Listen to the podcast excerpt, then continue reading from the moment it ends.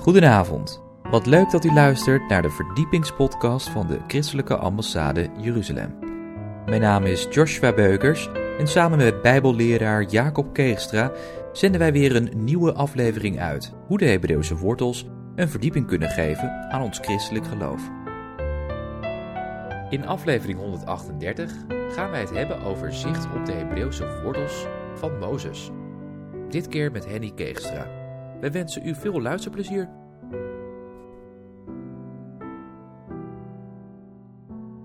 Mozes. We kennen Mozes van het biezenkistje. Maar we kennen hem ook als een groot leider die Gods volk uitleidde. Mozes, we willen kijken naar de Hebreeuwse wortels daarvan. Mozes, Moshe in het Hebreeuws, komt van het Hebreeuwse woord Meshitihu. En dat betekent eruit getrokken. Maar waar is hij uitgetrokken?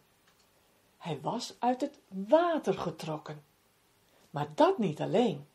Hij is uit het water getrokken op het moment dat hij in het biezenkistje lag door de dochter van Farao, maar hij heeft het hele volk eruit getrokken uit de slavernij. Mozes. Mozes is de 26e generatie na Adam. Is dat bijzonder? Ja, dat is heel bijzonder. En ik zal uitleggen waarom. Want God openbaarde zich als eerste aan Mozes met zijn naam. En zijn naam lezen we in Exodus 3. Daar lezen we als de farao vraagt van wie is dat eigenlijk, die God van jullie? Dan moest Mozes antwoorden en zeggen, ik ben die ik ben. Dat is bijzonder, want dat zijn de woorden van Jehovah. Dat in het Hebreeuws is dat Yud, He, Waf, He. De vier Hebreeuwse letters. Maar de Hebreeuwse letters hebben ook allemaal een getalswaarde. En als we naar die getalswaarde kijken, dan zien we precies dat die letters, Jud, He, Waf, He, samen het getal 26 vormt. Wauw, is dat niet bijzonder? Mozes, Moshe, die de 26e generatie is, die uh, God zich bekend maakt als ik ben die ik ben, Jehovah, met een getalswaarde van 26. Dat is niet toevallig. Mozes komt uit de stam Levi. En, want ook de hoge priester, Aaron, zijn broer, die kwam en daar kwam voort uit de Levieten en ook de hoge priesters. Er is nog iets bijzonders met de naam Moshe. Want in het Hebreeuws is het ook zo dat de letters op een bepaalde volgorde staan. Maar letters kunnen ook omgekeerd worden. En als we de letters van Moshe omkeren, dan lezen we, ja, kijk maar eens goed, dan staat er Hashem. Wauw, Hashem, dat is de naam, de grote naam, de grote naam van God. Dat is bijzonder. Moshe wordt Hashem. Die naam, God, is een groot iemand. En God wil ons gebruiken. Mozes was een groot profeet. Dat lezen we ook in, we even lezen, lezen we in Deuteronomium, vers 18, vers 15. Wij zien vaak Mozes niet als een profeet. En toch binnen het Jodendom is hij echt een van de grote profeten. Er staat, een groot profeet uit uw midden Broeders, zoals ik zal de Heere uw God voor u doen opstaan. Naar hem moet u luisteren. Mozes was het profeet. Maar uiteindelijk verwijst Mozes al naar de grote profeet, de Messias, die eens zal komen. Jezus, die voor ons gekomen is als de grote profeet. We zien ook dat in het leven van Mozes kunnen we indelen naar Drie keer veertig. Veertig jaar was hij in Egypte was hij als de dochter van Farao. Daarna sloeg hij een Egyptenaar dood en vervolgens vluchtte hij naar de woestijn. En daar in die woestijn heeft hij opnieuw 40 jaar uh, geweest bij zijn schoonvader Jethro.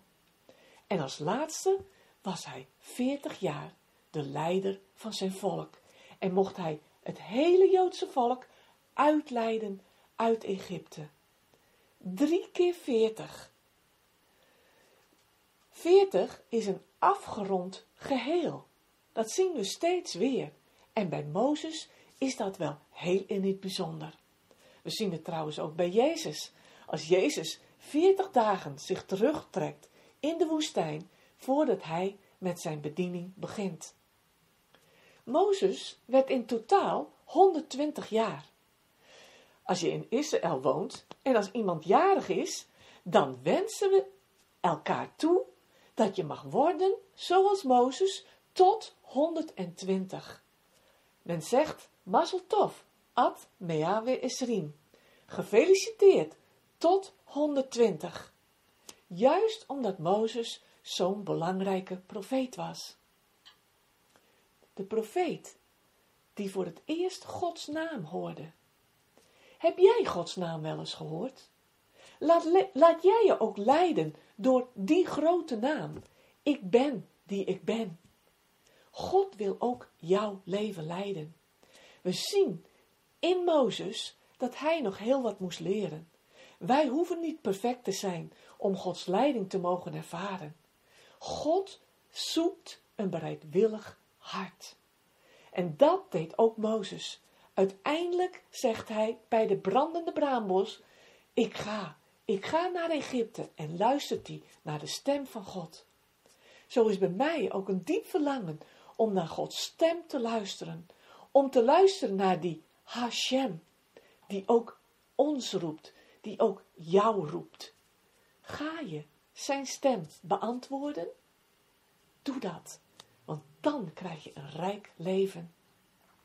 Ik vind het altijd bijzonder om te vertellen van de Hebreeuwse wortels van ons christelijk geloof. En vanuit de christelijke ambassade doen we dat ook, omdat er iets bijzonders zit in die Hebreeuwse uh, wortels. We willen nu een filmpje laten zien van het werk van het christelijke ambassade, wat wij allemaal doen. We willen Gods volk onvoorwaardelijk lief hebben, omdat God het volk heeft uitgekozen. Kijk je mee? Als je het fijn vindt, kijk dan en abonneer je op ons kanaal, zodat het ook verder gebracht kan worden. Bedankt. We zijn aan het einde gekomen van deze podcast van de ICEJ. Waardeert u onze podcast? Steun ons dan. Dat kunt u doen door een donatie of door deze podcast te delen met uw vrienden of familie. Ga naar icej.nl. Volgende week volgt er uiteraard weer een nieuwe aflevering van de Christelijke Ambassade. Ik hoop dan dat u wederom naar ons gaat luisteren. Bedankt voor het luisteren en tot volgende week.